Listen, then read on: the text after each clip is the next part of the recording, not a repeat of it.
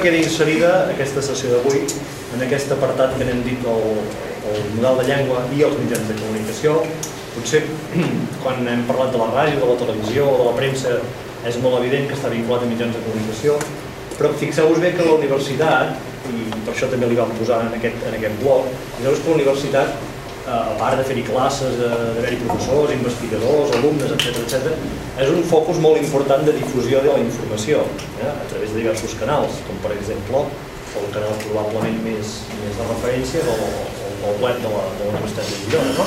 Exactament, les institucions també generen informació i per tant, en certa manera, la visió tradicional de, de, de, dels mitjans de comunicació probablement ara s'ha d'anar ampliant cada cop més no? I, i no només són els, els mitjans, diguem-ne, habituals, tipus ràdio, premsa, televisió, que són els que hem estat veient aquests dies. Per tant, també eh, quedava, ens semblava nosaltres coherent de poder inserir en aquest bloc aquest apartat. Eh, aleshores, el que vam decidir és, el grup, que, el grup d'Història de la Llengua que organitzem aquest, aquest cicle, vam decidir doncs, que convidar eh, l'Andreu Pulido, el cap del Servei de Llengües de la Universitat, per moltes raons, per una mica el que he comentat abans, però també perquè fa relativament poc s'ha sortit finalment un projecte que feia bastants anys que treballàvem, que era el llibre d'estil. Eh? Per tant, les institucions tenen, es plantegen la llengua i es plantegen que la llengua forma part de l'estil de la institució, de la projecció, de la imatge. Eh? I ens semblava que era interessant aquesta, aquest aspecte. Dir, no, no és que una televisió en aquest aspecte sigui, hagi fet una cosa gens rara ni gens anòmala, perquè ja hi ha altres institucions que en tenen. Eh? Penso que la primera va ser la Caixa, que va començar fent-ho, i llavors, més o menys, moltes institucions ho han anat fent, moltes de les universitats, pràcticament totes, almenys les importants. I ara, amb l'Andreu, després en podem parlar d'aquesta mena de coses, no vull robar més temps i més protagonisme. Bé, l'Andreu Polido, no sé si ho heu vist la nota, em sembla que encaixa perfectament en el, en el cicle que estem fent. És una persona que ha treballat a mitjans, per tant té experiència sobretot en premsa, no? en premsa, en premsa no? i editorial. Eh, des de fa molts anys que treballa al Servei de Llengües, ara des de fa molts anys que és el cap del servei, per tant reuneix aquests aspectes i a més a més és, prof, és professor actualment del postgrau de correcció de textos que es fa des de la, des de la universitat. Per tant, és una, una persona molt poliàdrica i que té molts vessants que, de fet, fixeu-vos bé que encaixen amb totes aquestes línies que estem, que estem tocant nosaltres en aquest cicle. No? Per tant, bé, és simplement la persona idònia, el vam convidar, ell va acceptar de venir eh, a fer-nos aquesta sessió, per tant, i ens agraïm doncs, que s'hagi organitzat el seu espai laboral per poder venir aquí amb nosaltres a explicar-nos i fer-nos aquesta conferència de, de, respecte al model de llengua i a la Universitat de Girona. Moltes gràcies, Andreu, i ens seguim la paraula. Gràcies, Narcís. I en primer lloc haig d'agrair especialment als organitzadors que m'hagi ofert la possibilitat de venir aquí a explicar-vos eh, això, el model, de parlar del model de llengua de la universitat i en concret el llibre d'estil. Eh, primer lloc, gràcies i en segon lloc, moltes felicitats pel cicle aquest que esteu organitzant, és realment espectacular. Eh, I em sembla que al final del cicle s'haurà haureu donat una visió realment àmplia i real de, de l'estat actual de la llengua, vull dir que em sembla una iniciativa realment esplèndida. Si a més hi afegim el postgrau que també heu organitzat des del Departament, el programa de formació de textos orals i escrits, em sembla que al final estem donant una, una formació lingüística als nostres estudiants, els de filologia sobre realment em sembla molt, molt, molt interessant.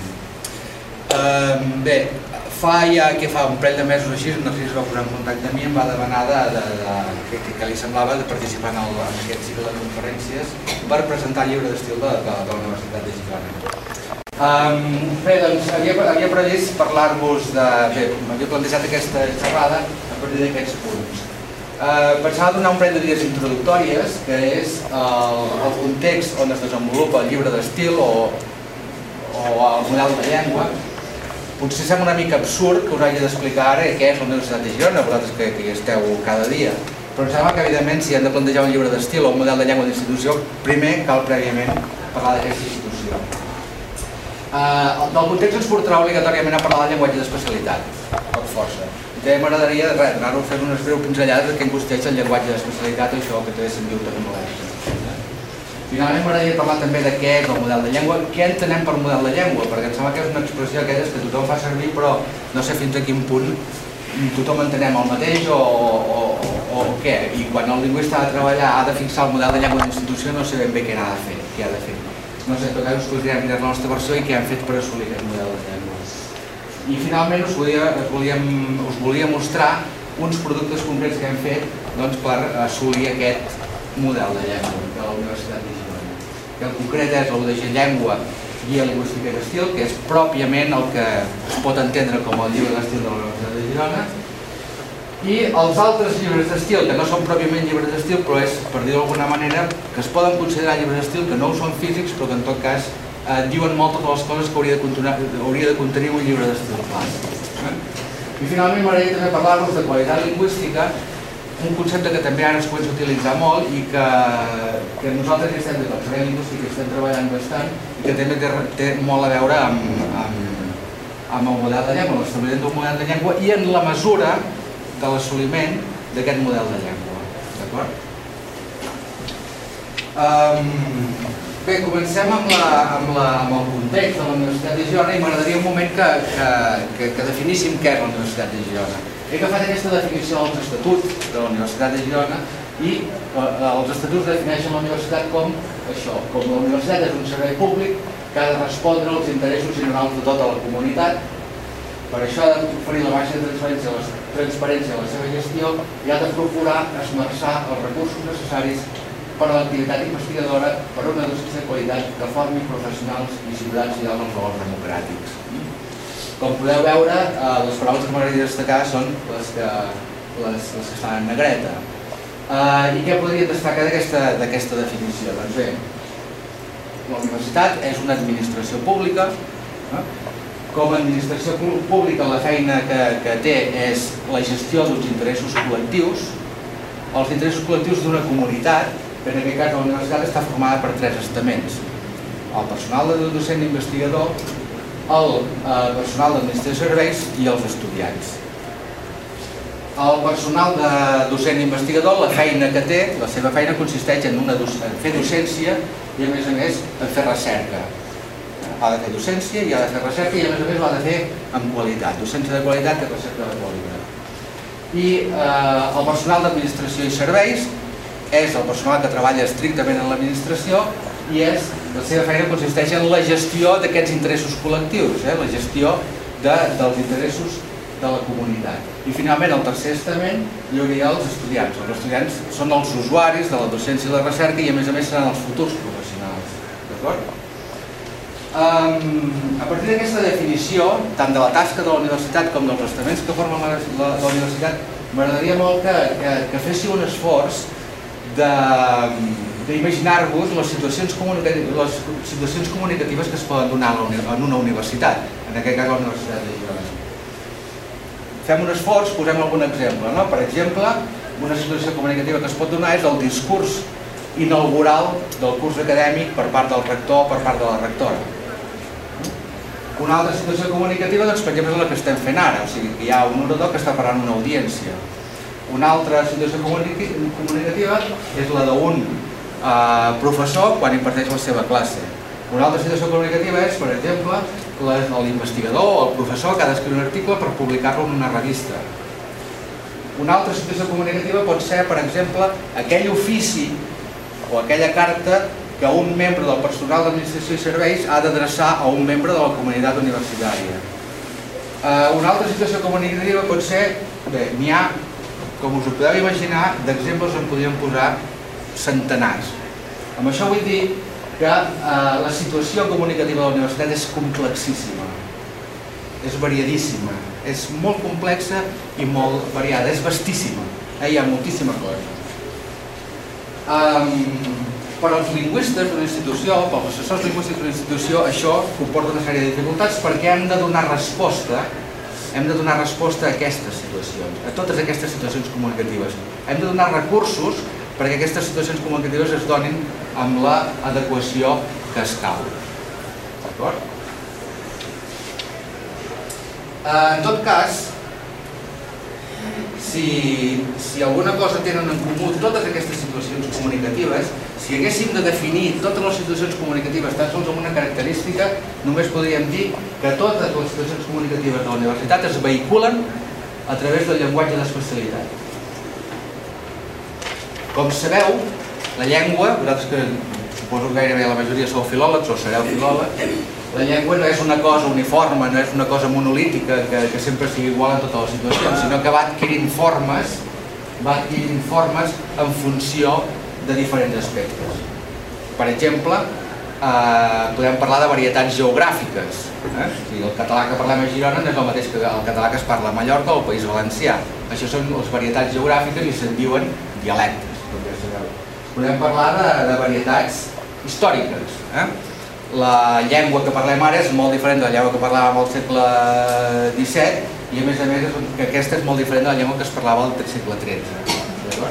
A més a més tenim varietats eh, socials, eh, les varietats de cada grup social, és a dir, invento, doncs, la varietat de, de, de les, dels delinqüents, eh, per dir d'alguna manera, de la model, doncs fan servir un argot determinat, això, determinat. Això se'n diuen varietats socials, eh, i serien en llenguatge filològic, diguéssim, en lingüística se'n diuen sociolectes. I finalment tindríem, podríem tenir també les varietats fins i tot individuals. La meva, la, manera, la meva manera de parlar és molt diferent de la vostra manera de parlar. Això se'n diuen els idiolectes. Eh? Però sobre totes aquestes varietats hi ha l'estàndard, eh? que diguéssim que és una suma de totes aquestes, de totes aquestes varietats. Però n'hi ha una de varietat de la llengua que és la que escau precisament a les situacions comunicatives de la, de la, de la universitat. I aquesta varietat són, són les varietats que se'n diuen funcionals. Eh? Les varietats funcionals. Les varietats funcionals que també se'n diuen eh, llenguatges d'especialitat o també se'n diuen eh, tecnolectes, eh? seguint amb la, amb la terminologia tecnolecte, sociolecte, dialecte, etc.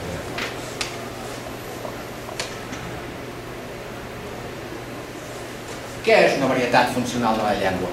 Doncs bé, com jo la diapositiva una, una varietat funcional de la llengua Bé, la, la, el llenguatge d'especialitat, el tecnolecte, és aquella varietat funcional de la llengua a través de la qual es vehiculen, es vehiculen els continguts propis de la ciència, de la tecnologia i que és el mitjà d'accés més important de les, a les informacions especialitzades. És a dir, llenguatge d'especialitat, a través del llenguatge d'especialitat es vehiculen tots aquells textos de caràcter tècnic, de caràcter científic i de caràcter professional també. Eh? Uh, normalment un, un, un personal de l'administració, de l'administració de la universitat, tot i que no, no faci textos tècnics i científics, sí que fa textos professionals, perquè els fa en el marc de la seva activitat diària i professional. Per tant, també faria servir una veritat funcional. D'acord? Uh, aquestes varietats funcionals de llengua com es caracteritzen? Doncs es caracteritzen segons aspectes pragmàtics, segons aspectes funcionals i segons aspectes lingüístics. Aspectes pragmàtics. Els textos especialitzats tenen una temàtica especialitzada, s'hi vehiculen els continguts propis de la ciència i de la tècnica. Eh? Un altre aspecte pragmàtic són els usuaris. Qui fa servir la varietat funcional de la llengua? Els especialistes, eh? els professionals. Això són els que emeten els, els missatges especialitzats. Llavors tenim els receptors, d'altra banda, que podeu ser, per exemple, vosaltres. Un oient d'una classe és un receptor d'aquest llenguatge d'especialitat. Eh? Uh, un, prof, un altre professional pot ser també un receptor. O sigui, el lector que llegeix un article especialitzat en una revista de química és també un usuari, en aquest cas receptor del llenguatge d'especialitat. En funció del llenguatge, en funció dels usuaris, els llenguatges d'especialitat poden ser més concrets o poden ser més abstractes. I també es caracteritzen bé, per la temàtica, ja ho he dit, i per la seva funció.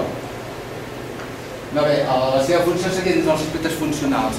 Els, els llenguatges especialitats tenen una funció predominant, una única funció predominant. En tenen d'altres, eh? però la funció predominant és la funció referencial. Quina és la intenció dels llenguatges d'especialitat? La, intenció dels llenguatges d'especialitat és transmetre coneixements és transmetre eh, informació, transmetre coneixements. En funció d'aquest objectiu s'hi han de dedicar uns recursos lingüístics especialitzats. Eh? S'han de dedicar una sèrie de recursos lingüístics. Per exemple, els, eh, bé, en, en funció de, de la funció dels llenguatges d'especialitat és la, la, la funció referencial, transmetre coneixements i es fan servir uns, uns recursos lingüístics per afavorir aquesta transmissió de coneixement que serien els aspectes lingüístics. Quins són els aspectes lingüístics? Bé, els textos especialitzats eh, han de tendir a la concisió, són textos concisos, han de tendir a la precisió, sobretot precisió, a la neutralitat i a l'objectivitat. Eh? Són molt diferents d'altres tipus de textos en què tenen altres funcions. Eh, com deia, per assolir aquesta, aquesta, uh, aquesta funció referencial, per assolir aquesta objectivitat, aquesta concisió, s'hi fan servir uns recursos determinats, uns recursos lingüístics. Es fa servir una sintaxi determinada, es fa servir fins i tot eh, una morfologia determinada, però potser allò que determina més, allò que determina més els llenguatges d'especialitat és la terminologia, eh? que és l'ús d'un lèxic especialitzat de cada àmbit de, de, de, de coneixement. Eh? Es fa servir terminologia química per textos de química, terminologia física per textos de física, etc etc. Bé, fins aquí tindríem una mica el context el context del que, del, del, del, de la llengua que es fem servir en una administració com la universitat. Em sembla important destacar-ho, eh? Em sembla important que estem en, en, em sembla important destacar-ho perquè en funció de, de, de totes aquestes característiques haurem de dedicar-hi els llibres d'estil seran diferents.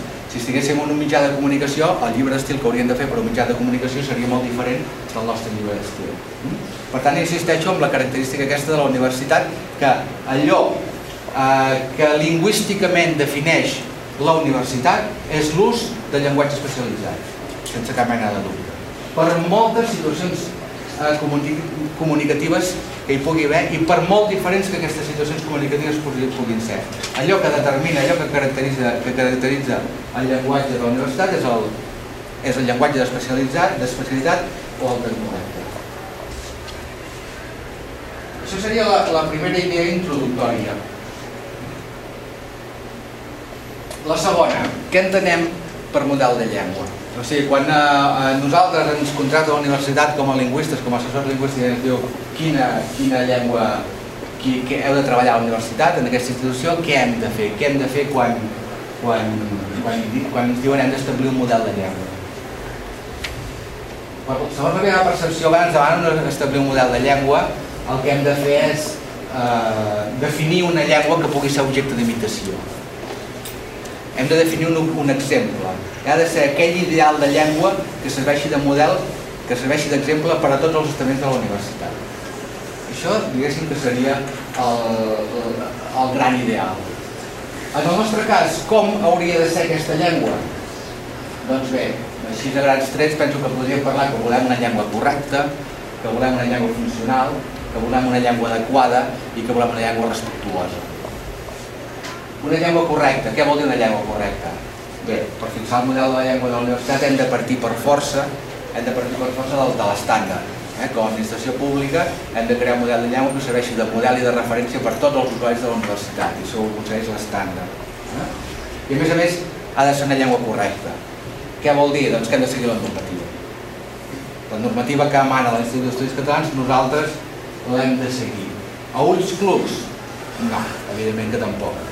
Vaig seguir la intervenció, la conferència de, de l'Albert Alart i em sembla que una de les coses que va dir va ser que, que els lingüistes no se sentien còmodes moltes vegades amb la normativa eh, que hi havia. Uh, I estic, personalment estic absolutament d'acord. No, la, la normativa no defineix tots els usos actuals, no els defineix. Uh, però en tot cas com a administració, en funció dels nostres, de la nostra professió com a lingüistes dins d'una administració pública, hem de seguir la normativa de l'Institut d'Estudis Catalans. Eh? Um, no sé, posem alguns exemples.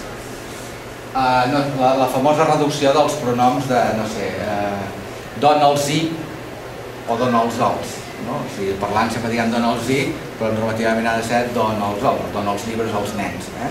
Parlant nosaltres diguem dona els i, personalment, amb un correu electrònic que us es pugui escriure a vosaltres amb un vessant més informal faria servir dona els i, perquè és el que, el que, és, for, el que, és, el que es fa, però com a administració pública nosaltres sempre hem d'optar per la norma, per aquelles solucions normatives, i en tot cas sempre faríem donar els altres.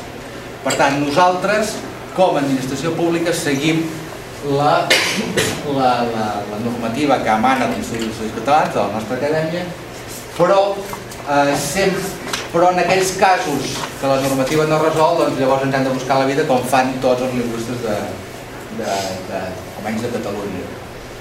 Um, per exemple, el cas més clar és el per i parar davant d'infinitiu, l'ús de per i parar d'infinitiu. És un tema que la normativa resol, l'Institut d'Estudis Catalans té una normativa, que és la normativa fabriana, uh, però ja sabeu tots que la normativa fabriana en aquests cas no s'aguanta gaire per enlloc. Uh, què hem de fer nosaltres? Seguir la normativa fabriana, la normativa del parar en definitiu, quan l'objecte és d'acció voluntària, etc etc etc. No, no ho fem. O sigui, comparem, agafem la normativa, la proposta d'economia solar i agafem la proposta fabriana, per nosaltres eh, té molt més sentit la proposta d'economia solar, que és optar per parar davant d'uns casos en sintagma nominal i optar sempre per per davant d'infinitiu, i en aquest cas, com que és una proposta avalada, molt avalada per estudis i propostes i per uns erudits com Joan Solà i Colomina, doncs optem sense vacil·lacions per aquesta proposta.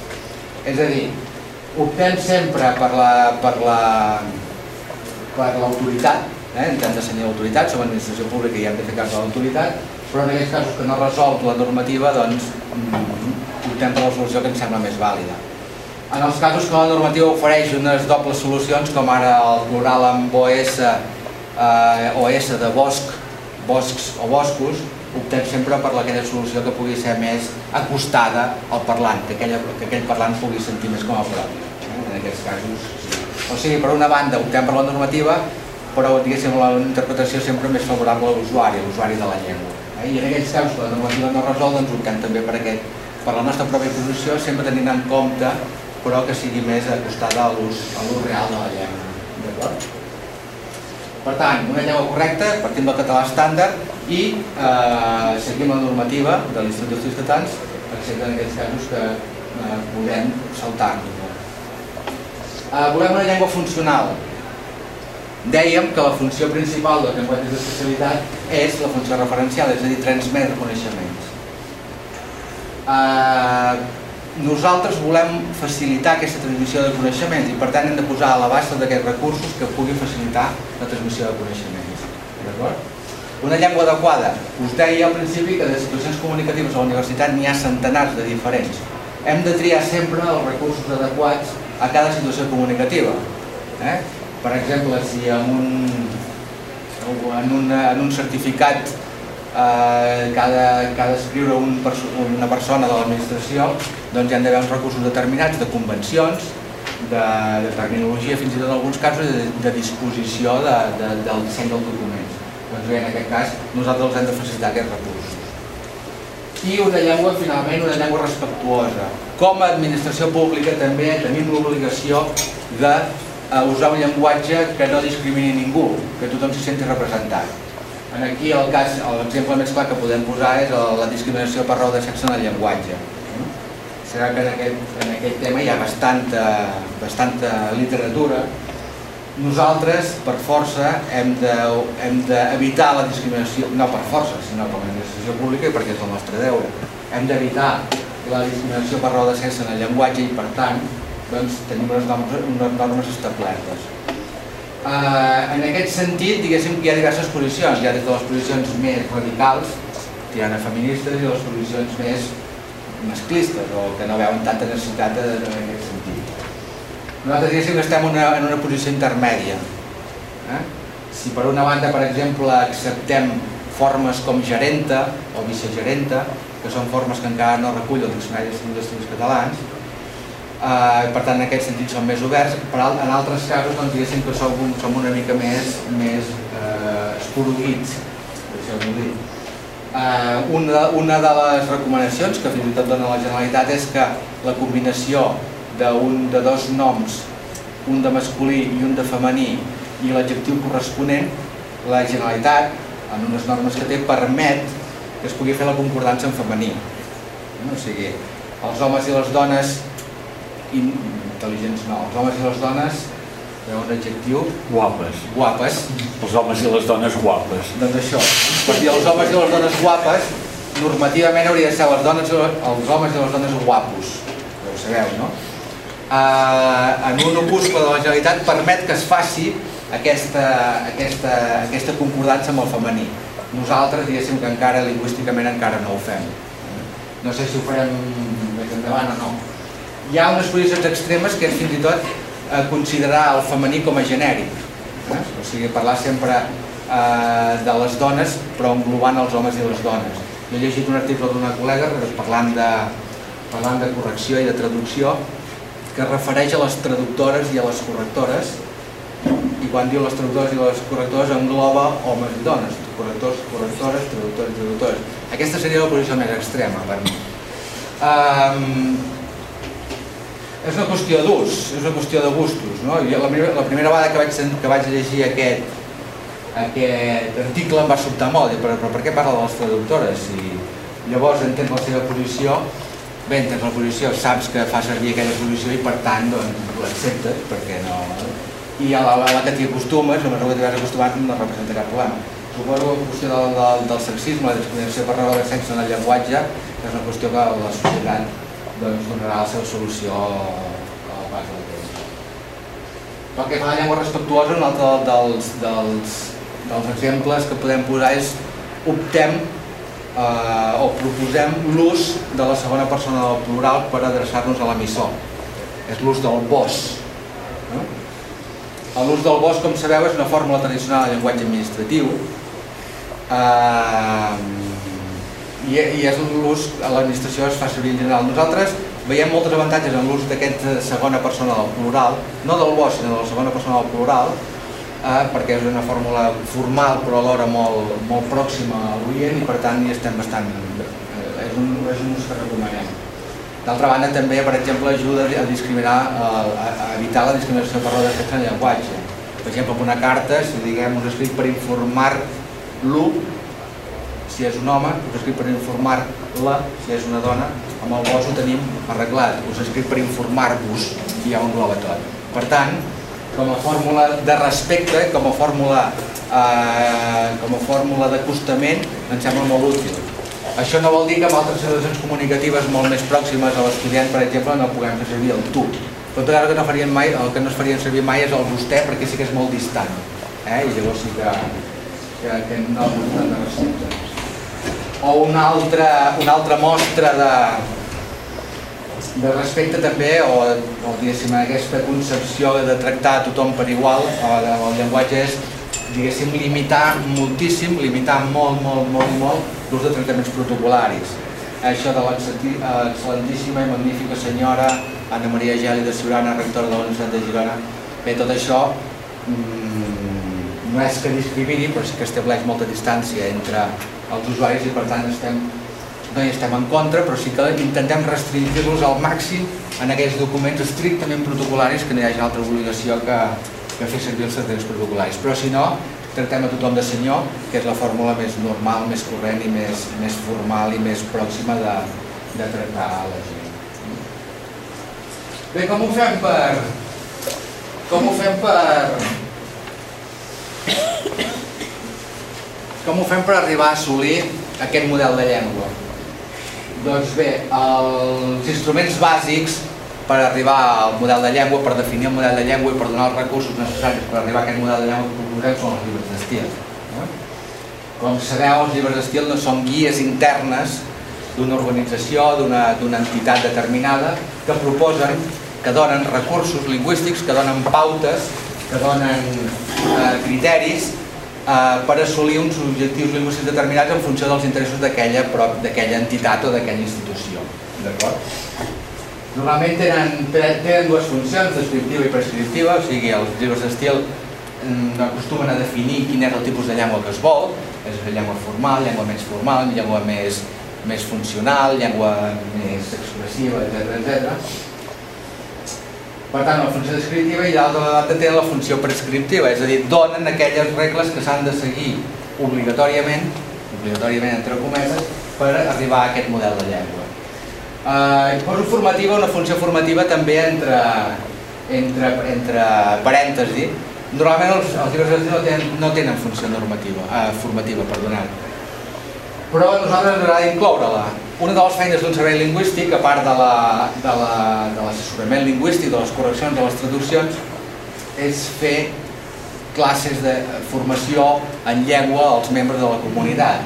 Això sobretot passa a l'administració pública eh, i per la situació del català, o sigui, per la situació de, que encara no ha assolit la normalització lingüística i per tant sempre es donen, intento oferir cursos de llengua perquè tothom escrigui correctament, se l'informi del moll de la llengua, etc. Nosaltres intentem donar també aquest vessant formatiu a les nostres publicacions o als nostres recursos, és a dir, que els usuaris, quan facin servir també aquests, aquestes publicacions, aquests recursos, també adquireixin una formació, adquireixin uns coneixements. Per tant, m'agrada incloure. Eh? I a part d'aquestes funcions, els objectius bàsics d'un llibre d'estil uh, són, bàsicament són tres, homogeneïtat, coerció i coherència, n'he dit. N'he dit jo, però he fet un plagi uh, descaradament del pròleg d'en de, Pep Nadal. El pròleg de Pep Nadal al llibre d'estil parla d'aquestes tres característiques de la llengua. En aquest cas aplicades al llibre d'estil, homogeneïtat, coerció i coherència. Homogeneïtat, la funció bàsica, l'objectiu bàsic d'un llibre d'estil és donar una unitat de criteri a les publicacions escrites o orals d'una institució en funció de, la seva, de les seves característiques. Què es pretén? Que totes les comunicacions escrites siguin iguals. Bé, iguals no, però segueixin tots uns patrons. La és un símptoma, és un senyal de qualitat. Eh? quan es mesura la qualitat de qualsevol cosa, d'un organisme, d'una acció, de, del que sigui, es valora si aquell organisme, aquella institució, aquella publicació que sigui, segueix uns criteris, segueix unes pautes prèviament definides. Si nosaltres tenim prèviament definides aquestes pautes, llavors es poden, es poden seguir els criteris. Per tant, és un senyal de qualitat. Per tant, l'homogeneïtat és, un, és un símptoma de qualitat i per tant cal als llibres d'estil a les institucions. Coerció. Coerció és evidentment una coerció voluntària, eh? ningú posa la pistola al pit a ningú, a treballadors, perquè segueixin uns criteris determinats. No, simplement tot eh, treballador, tot personal, tota persona que pertany a una institució sap que quan ha de produir alguna, quan ha de fer alguna producció lingüística ha de seguir-se unes normes, ha de seguir-se uns criteris establerts prèviament. I l'altre objectiu seria la, la coherència, és a dir, eh, es tracta d'analitzar cada situació comunicativa i aplicar-hi aquells recursos que hi escauen. Eh? És a dir, l'exemple que posàvem abans, si una persona, un treballador ha fer un certificat, hi ha uns recursos determinats per a aquest certificat. Recursos des de la terminologia, des dels aspectes convencionals, que poden ser les majúscules, les minúscules, les cursives, els tipus de lletra, etc. Això serien, diguéssim, les funcions del llibre d'estil. Eh? I eh, hauríem de veure ara si m'agradaria que analitzéssim una mica el nostre llibre d'estil, el llibre d'estil de la universitat, i veiéssim si realment aquestes funcions es compleixen.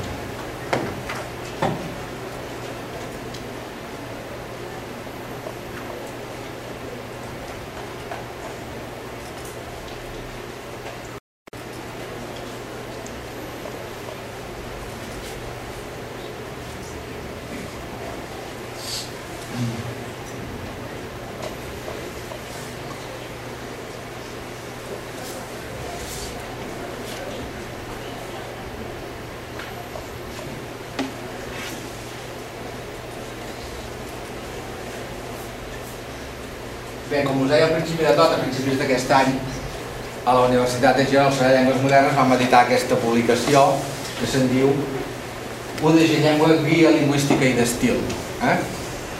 Eh, és, una, és una publicació que es pot descarregar de, del web, està en PDF, ho podeu descarregar eh, tranquil·lament, i eh, encara una mica detingudament aquestes, té aquestes parts. Té un pròleg, una presentació, un pròleg de la rectora, una presentació de, del doctor Nadal, eh, i llavors té aquests set apartats, que són consells de redacció, signes de puntuació, majúscules i minúscules, criteris de traducció de noms propis, eh, on l'apartat cinc abreviacions, els numerals o tipus de lletra, els numerals, xifres de lletres, i el tipus de lletra. Um, si teniu en compte tot el, que, tot el que us he dit prèviament, hi faltarien moltes coses. Hi faltarien moltes coses. Hi falten moltes coses. Um, si, com dèiem, la universitat, a la Universitat de Girona es presenten tantes i tantes, aquests centenars de situacions comunicatives diferents a les quals hauríem de donar un tractament particularitzat, això no recull ni de lluny ni de lluny totes les situacions comunicatives de la universitat. Al marge dels consells de redacció, que diguéssim que són no sé quants consells, eh, no sé quants consells, eh, 7 o 8 consells de redacció de fer per aconseguir una, una, una escriptura eficaç, doncs al marge d'aquests consells de redacció, tot l'altre, tota la resta d'apartats són purament aspectes convencionals. Parlen només de convencions. Els signes de puntuació, aquí podríem barrejar-hi gramàtica, qüestions gramaticals, però també moltes qüestions convencionals, majúscules i minúscules, una qüestió purament convencional, els criteris de traducció de noms propis, que també és una qüestió convencional, les abreviacions, els numerals, la, els criteris els establim nosaltres són simplement qüestions molt arbitràries, no tan convencionals sinó més aviat arbitràries, i els tipus de lletra que també responen a qüestions convencionals. I finalment tenim un annex, que és el nomenclàtor de la Universitat de Girona, que és analitzar totes les unitats de la Universitat de Girona i donar-la l'equivalent en castellà i en anglès, cosa que portava molts problemes als treballadors del personal de la Universitat de Girona. És a dir, um, hi falten moltes coses. És un llibre d'estil incomplet. Eh? Ens vam estar plantejant això no és, no és el llibre d'estil, aquesta guia, no és el resultat d'un any que de, de l'any passat que decidíssim va vinga, farem un llibre d'estil, el publicarem i tal, no. És el resultat de molts anys d'anar fixant i d'anar establint criteris a partir dels problemes en què ens anàvem trobant des del Servei de Modernes. I finalment vam decidir publicar-ho. Vam dubtar molt si publicar-ho en paper o no, perquè potser no tenia gaire sentit ara en aquests moments, quan tenim els recursos a la xarxa que poden ser tan més eficaços. No, que són molt més eficaços que el, que el, que el paper. Però en tot cas, finalment vam reflexionar una mica i vam pensar que era interessant per a una institució tenir, un, un element d'identificació, eh? una marca, que tingués aquesta marca. Uh, era molt interessant, penso que és molt interessant pel personal de la universitat que s'identifiqui amb uns valors i aquests valors que siguin lingüístics, doncs penso que és realment interessant i simplement ho vam fer per això. Volíem una, una guia molt i molt senzilla, molt i molt útil, que fins i tot allò que, que de, de, com de mala qualitat, no? i això no, no, que no surti. Però una cosa sí que molt, molt, molt, molt usual, que, que allò que corregués de mà en mà, que s'estripés, o sigui, que es fes servir. Eh? I per això vam pensar que seria útil que la gent ho tingués. Però evidentment conscients que hi faltaven moltes coses i conscients que no podíem recollir totes les coses, totes les situacions comunicatives en un llibre d'estil. Si, si volguéssim recollir totes les situacions comunicatives en un llibre d'estil, el manual d'estil de mestres, fita, etc seria un TVO al costat del llibre d'estil que hauríem de fer nosaltres. Per tant, al costat d'aquesta anècdota, d'aquest eh, d'aquesta petita guia, ens van plantejar altres productes. No entro a detallar els, cada un dels apartats del llibre, de, de la guia d'estil, perquè, com us dic, són aspectes convencionals i els aspectes convencionals són gairebé eh, iguals a tot arreu. Sí que poden variar algun tractament respecte a altres entitats, però vaja, la variació és molt poca. Per exemple, eh, nosaltres els noms de les assignatures, per exemple, la història contemporània de la Grècia antiga i moderna, que m'ho estic inventant, eh? això nosaltres ho posaríem en minúscula, excepte Grècia, evidentment, i excepte història, que és l'inicial. Les altres universitats, no sé si totes, però la majoria d'universitats posen totes les assignatures en majúscula. Hi ha divergència, però és una divergència mínima, o sigui que no té gaire, gaire sentit. Per tant, no, no entraré a analitzar punt per punt perquè no, no, no penso no té sentit perquè es tracta precisament d'aspectes convencionals. Per tant, continuo, diguéssim, el que és, i continuo definint què és o què vol ser el nostre llibre d'estil. Vam fer aquesta petita, aquesta petita guia eh, amb la intenció de donar unes pautes que intentessin ser comunes per tota la gent de la universitat, des de, per tota la comunitat universitària, des dels estudiants fins a eh, personal d'administració i serveis i fins al, personal docent, eh, personal docent, perdoneu, i va sortir això, aquesta guia que vam editar en paper. Però, diguéssim, el que ens interessava més era això altre.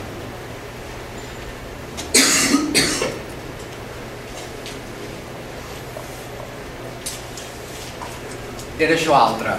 Una cosa, un portal, hem dit un portal de recursos lingüístics que se'n diu UDG Babel. UDG Babel, com us deia, és un portal de recursos lingüístics que intenta agrupar en un sol lloc i en format electrònic eh, molts dels recursos que estaven dispersos per la universitat i recursos lingüístics que tenien bàsicament el Servei Modernes i per una altra banda també la, la, la biblioteca. Vam ajuntar els dos serveis vam, dir, vam pensar que seria bo crear una única, un únic espai per tots els serveis, per tots els recursos lingüístics de la universitat i d'aquest espai em vam dir, UDG Babel, vam crear aquesta pàgina web, aquest portal i el teniu a la vostra disposició. Um, UDG Babel es pot concebre com un, un, un centre d'autoaprenentatge de llengües però d'altra banda també, si ens fixem una mica més detingudament, es pot concebre també com un macro o com un llibre d'estil, aquest seria el llibre d'estil de la universitat, que complementaria, o potser seria al revés, aquesta guia complementaria aquest, aquest portal. L'UDG Babel està, està dividit en cinc grans apartats, que són centre de redacció, redacció per disciplines, aprenentatge de llengua, parlar en públic, estil UDG i gestió de, de la bibliografia. Si traiem eh, l'apartat d'aprenentatge de llengües i una mica l'apartat parlar en públic, és un llibre d'estil tradicional complementat amb, eh, o, o no, o que complementa eh, aquesta guia lingüística de què parlàvem abans. Eh, hi ha l'apartat estil UDG en què us podeu, us podeu descarregar aquesta guia lingüística i que ja, aquí sí que ja comencem a trobar-hi tipologia de documents, és a dir, situacions comunicatives ja.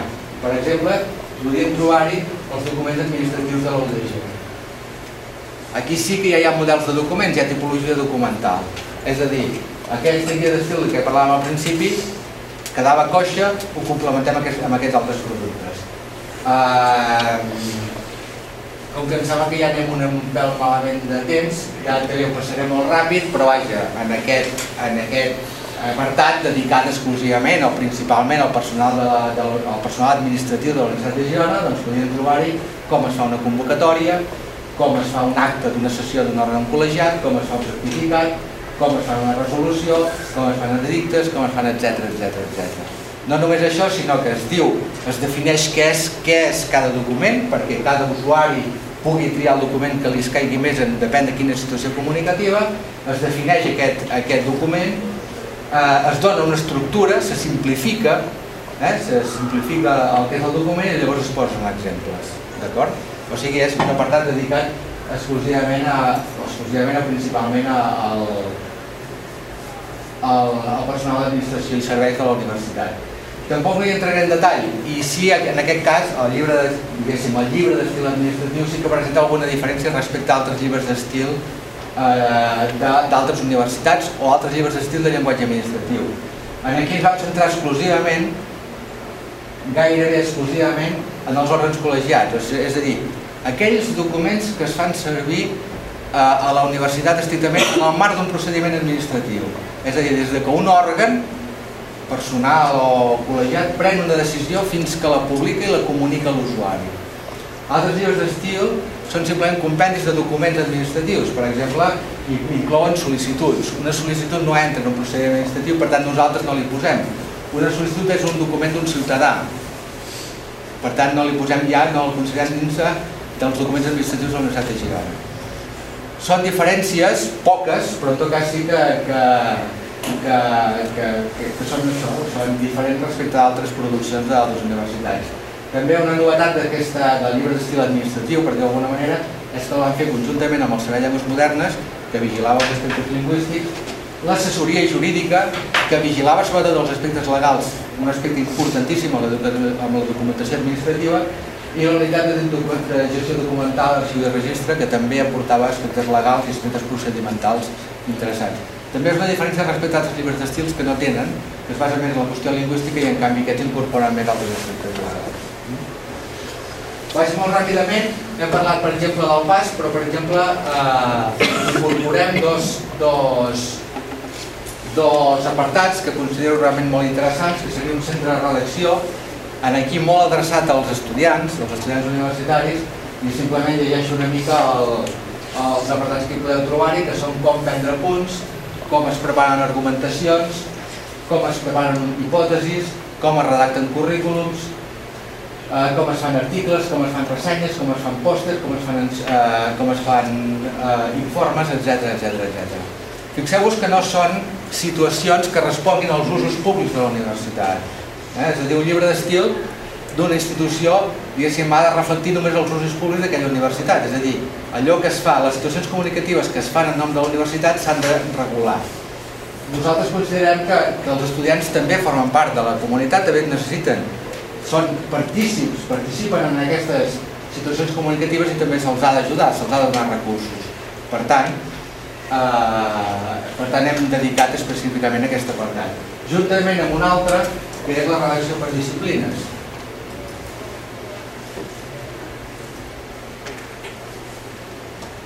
De centres de redacció, a Catalunya, Espanya i a tot arreu en trobareu, de, en trobareu moltíssims. Però realment l'apartat aquest de redacció per disciplines és un, és un almenys en l'àmbit espanyol i català i em sembla que som els únics que ho tenim.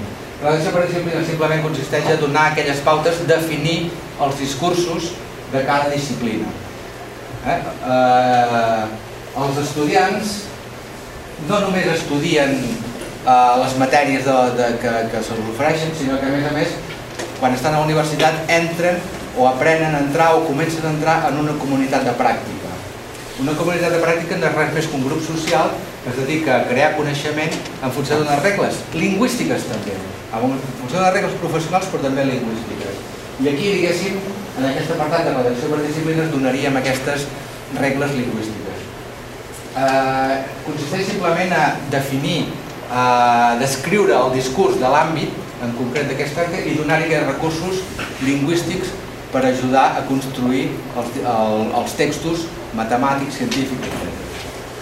Els àmbits en què vam treballar van ser els àmbits d'estudi, de, de, de, els àmbits de la Universitat de Girona. És a dir, si aquí no teníem veterinari, És a dir, si la Universitat de Girona no fèiem estudis de veterinària, doncs no, no faríem, tampoc no dedicaríem un apartat a, a, a veterinària. Uh, però si us hi fixeu, n'hi falten d'àmbits també. No sé si sou filòlegs i buscar filologia no li trobareu. Uh, I simplement perquè ens feia una mica de cosa dir, ostres, uh, com hem d'ensenyar a escriure la filologia. Nosaltres ho hem de dir si ja hi ha els filòlegs que ho han de fer, no? Per tant, és una assignatura que sigui dependent i ara precisament amb el Degant parlant que li volia ensenyar i a veure si entre tots fem alguna cosa. I falta per exemple dret. Si haguéssim de fer un apartat de dret en aquest web, hauríem de crear un web expressament per parlar del dret, perquè el llenguatge jurídic uh, R... yes? yes.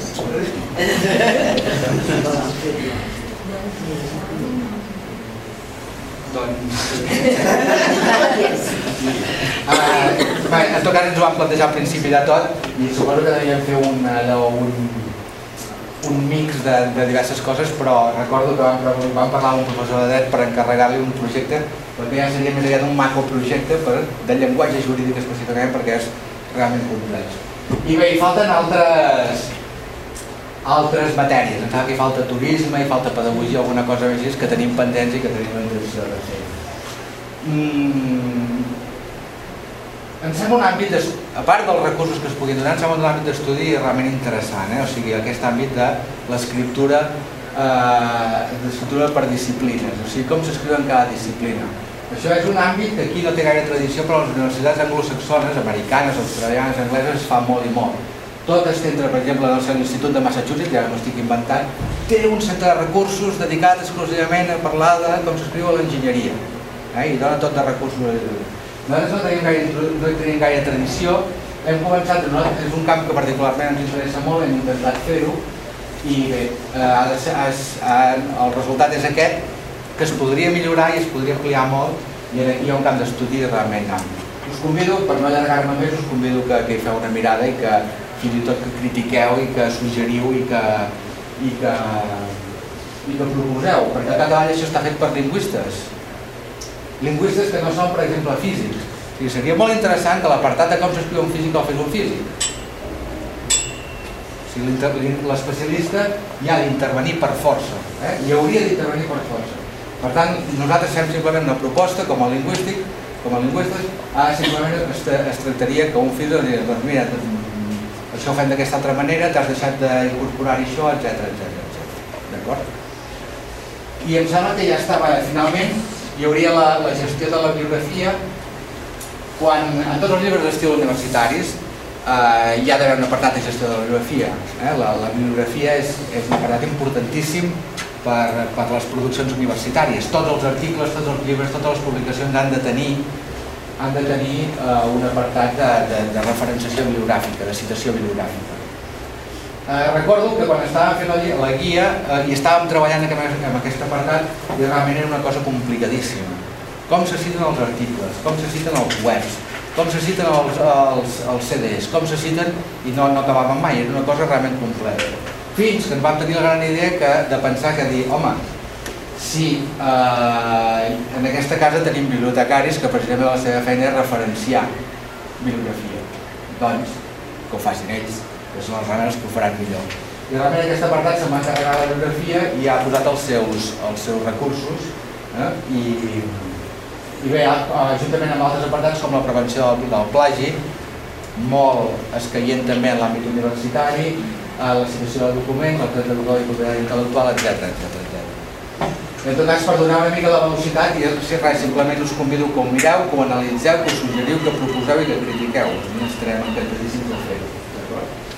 I finalment, ja per acabar, m'agradaria explicar-vos eh, l'últim apartat.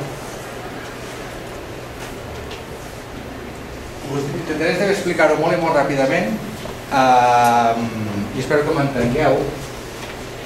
Eh, què és el tema de la qualitat lingüística? Eh, fa, relativament, fa relativament poc en el servei lingüístic estem treballant amb el concepte aquest de, qualitat lingüística i d'anàlisi de la qualitat lingüística. Eh, una de les feines del, del Servei de Llengües Modernes consisteix en corregir i traduir. Eh? Hem de corregir i traduir moltíssima documentació amb tres tècnics que som eh, i evidentment no donem a l'abast en tota la, en tota la, en tota la feina que tenim i hem d'externalitzar feines de correcció i, i, i traducció. Eh, és a dir, que tenim col·laboradors externs als quals encarreguem correccions i traduccions. Eh? Els llibres d'estils també van adreçats a aquests col·laboradors externs perquè sàpiguen quins són els criteris que hem de fer servir. Ens trobàvem moltes vegades que quan rebíem una feina d'un col·laborador extern el que fèiem era revisar-la, aquesta feina. Tornàvem a llegir tot l'article, aviam si el corrector, si el col·laborador extern ho havia fet bé o ho havia fet malament evidentment això una feina de negres, perquè aquell article passava per el primer corrector i llavors per la nostra revisió. Si, I a més a més, si pagàvem un col·laborador extern, home, havíem de tenir la seguretat que aquella feina ja estigués ben feta i estalviar-nos aquesta altra feina de revisió posterior nostra. I ens vam, diguéssim, inventar un sistema de control de la qualitat d'aquests textos. Com va ser? Eh, com la vam definir? Doncs simplement vam pensar que hi havia d'haver una sèrie d'ítems, una sèrie de criteris que s'havien de complir que els col·laboradors externs havien de seguir quasi, quasi obligatòriament. I si no els seguíem els castigaven. Entre cometes. Uh, és a dir el que es tractava és de donar una puntuació en aquell col·laborador extern. I si fallaven alguns criteris aquesta, aquesta puntuació anava a baixar uh, aquests criteris per exemple eren, no es veu gaire bé no? Aquests criteris, per exemple, es basaven, en, es basaven en unes tipologies d'error, per exemple, en lèxic, en tecnologia incorrecta. Si, per exemple, eh, eh, un corrector extern doncs, havia fet alguna, en el text en el text revisat per un corrector extern eh, i detectàvem incoherències terminològiques, ús de falsos amics, que són els false friend anglesos, etc eh, si feia servir terminologia que no estava normalitzada, etc etc, doncs se l'anava castigant, se li anaven restant, se anaven restant punts, d'acord? Això, hi ha una categoria d'error era el lèxic i terminologia, una altra era la sintaxi, doncs, per exemple, si s'havia deixat alguna estructura sintàctica incorrecta en el text, si havia traduït una frase malament, etc. Doncs tot això, diguéssim, que li anava sumant punts. Al final, Bé, doncs, les altres categories eren omissió, estructura morfològica, ortografia i topografia, puntuació, etc. Definíem unes categories d'errors, definíem uns criteris i si el nostre col·laborador extern fallava en alguns d'aquests criteris, ens ho posàvem una plantilla i això hi anava restant. Al final posàvem aquí la puntuació i ens donava una nota. O sigui, una nota de 0 a 100, si per exemple hi havia un traductor o un corrector extern que ens treia 99,8, doncs perfecte. Eh? Ja, ja estava bé. Si teníem un corrector extern que ens donava un 70, doncs home, malament. I per tant doncs, això ens servia per, per avisar el i dir, escolta, o millores o doncs de mica en mica haurem, haurem, haurem d'optar per altres, per altres col·laboradors nostres. Això em dir que era un programa, un projecte d'anàlisi de, de, de la qualitat lingüística i aviat ens vam adonar que aquesta anàlisi de la qualitat lingüística la podíem fer servir per altres projectes, per altres productes. I ens vam inventar el que seria el que, el que n'hem dit una, una rúbrica de una rúbrica d'avaluació. I us explico també una mica ràpidament els antecedents. Uh, una facultat de la universitat ens va, ens va demanar que uh, els corregíssim tots els treballs de final de grau o de final d'estudis de, de, dels estudiants d'aquella facultat. I nosaltres vam dir, home, doncs no, no podem fer-ho perquè si féssim això estaríem col·lapsats durant un mes o dos, només fent aquesta feina i a més a més imagineu-vos que llavors vinguin els de la Facultat de Lletres i ens demanin el mateix i llavors vinguin els de la Politècnica i ens demanin el mateix vull dir que podem estar o sigui, la nostra feina hauria de consistir únicament en, en, en corregir els treballs de finals de graus dels estudiants i no és més la nostra feina no? i el que vam pensar que és que en comptes de donar-los el peix ja fet, donar-los la canya de pescar i els vam oferir una eina perquè ells poguessin valorar un professor, diguéssim, no lingüista, pogués valorar la qualitat lingüística d'un text. D'acord? I el que vam fer va ser inventar-nos o decidir o definir uns indicadors lingüístics que tots els treballs de final de grau de, dels estudiants haurien de complir per considerar superat lingüísticament aquest treball de grau. Els criteris eren uns criteris bàsics, que era l'organització del treball, si era correcte incorrecte, no, no tinc sí. uh, l'organització del treball, si, si tenia l'índex, si tenia conclusions, si tenia bibliografia, etc. La fluidesa del text, fixeu-vos que són criteris molt i molt generals, però és que eren per uh, professionals no lingüistes, o sigui, podien ser matemàtics, podien ser químics, que en vez no li diguessin si havia fet servir un gerundi de posterioritat, o si un complement directe portava la proposició a o no, entre altres coses perquè no sabia que era un gerundi de posterioritat i per tant no podíem, no podíem parlar amb aquests termes. I el que va ser va ser definir uns criteris molt i molt i molt bàsics, molt i molt bàsics, per, eh, perquè aquests professionals no lingüistes poguessin valorar un text. Eh, valorava la fluidesa del text, si el text era ric, és fàcil de llegir, entenedor, i valorava l'ortografia, valoraven l'adequació, eh? si l'objectiu del treball era adequat, si, si l'objectiu del treball era adequat a la manera com ho exposava. És a dir, sabem molt ràpidament, vam decidir uns criteris molt i molt genèrics, molt i molt bàsics, criteris lingüístics molt i molt genèrics, molt i molt bàsics, que eren els que eh, havien de complir aquestes produccions escrites dels estudiants. És una eina que he posat a l'abast de, dels professors per analitzar aquests, aquests estudiants, però al capdavall, si ens fixem en aquests, en aquests, eh, en aquests criteris tan i tan bàsics, són també els que ajuden a definir aquest model de llengua de què us parlava abans, una llengua correcta, una llengua funcional, una llengua adequada. Eh? Per tant, aquesta eina podria ser perfectament un resum, un compendi del que podria ser la, la, la, la, el model de llengua que volem per la nostra universitat. Res més, només us volia ensenyar totes aquestes coses, aquestes, aquests tres productes que són la guia lingüística d'estil, el, el portal UDG Babel i aquestes eines d'anàlisi de, de la qualitat lingüística que no deixen de ser eines que, que, que, que han d'ajudar o ajuden o pretenen ajudar a assolir aquest model de llengua de què es parlava de que hauria de ser la, la universitat. I finalment res, només una, una reflexió o acabo amb una anècdota o una anècdota que, que pugui servir de reflexió.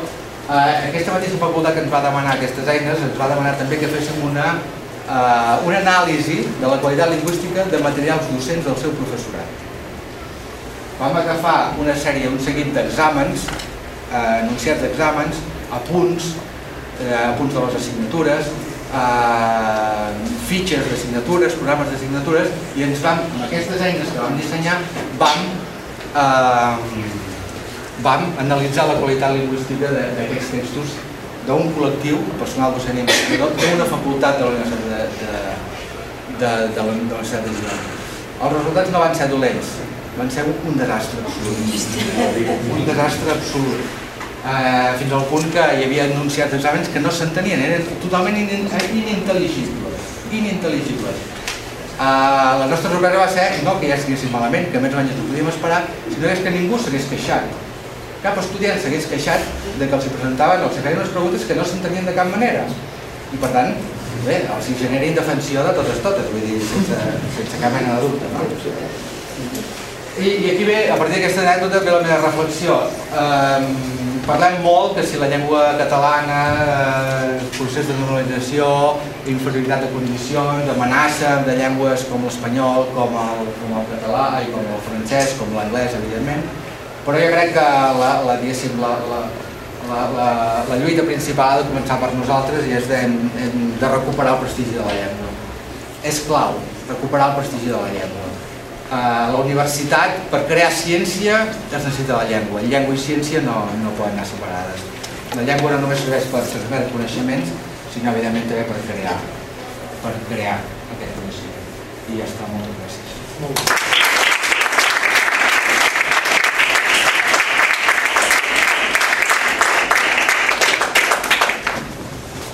moltes gràcies, Andreu. Aquesta conferència tan completa i tan complexa alhora que ens has ofert avui a nosaltres amb molts estímuls i fet eh, gairebé suggerint-vos i demanant-vos que mireu, miréssiu tot aquest material que ens ha presentat, que l'analitzéssiu més críticament, no? I abans, això de moment ara no podem fer entretenir-nos en aquesta feina, però sí que segur que han sortit coses que, arran de molts suggeriments que han anat fent ell, més enllà de la consulta de webs, etc que segur que us han pogut plantejar dubtes o preguntes o simplement voler saber més coses sobre la feina que està fent el Servei de Llengües de la Universitat al voltant del llibre d'estil, al voltant del portal web Babel o al voltant d'aquestes eines d'anàlisi de, la, de la qualitat lingüística. Bé, eh, aleshores ara us tocaria parlar a vosaltres una mica, preguntar, ja heu vist una paraula? No, només d'això que acabes de dir, si cal que, que tothom tingui escriure bé i això. Des del Servei de Llengües feu classe de català als professors? Sí. Sí? Sí. Um, la resposta és sí. No, perquè jo en, en aquesta casa mateix a vegades he vist powerpoints que en comptes de llegir-me el powerpoint m'he entretingut a corregir les faltes d'ortografia. I... Sí, uh, fem classes de català per al personal docent investigador. És que no un problema. No, la veritat és que hi ha poca gent, poca gent. Així és com farem classes de llengua català i farem classes de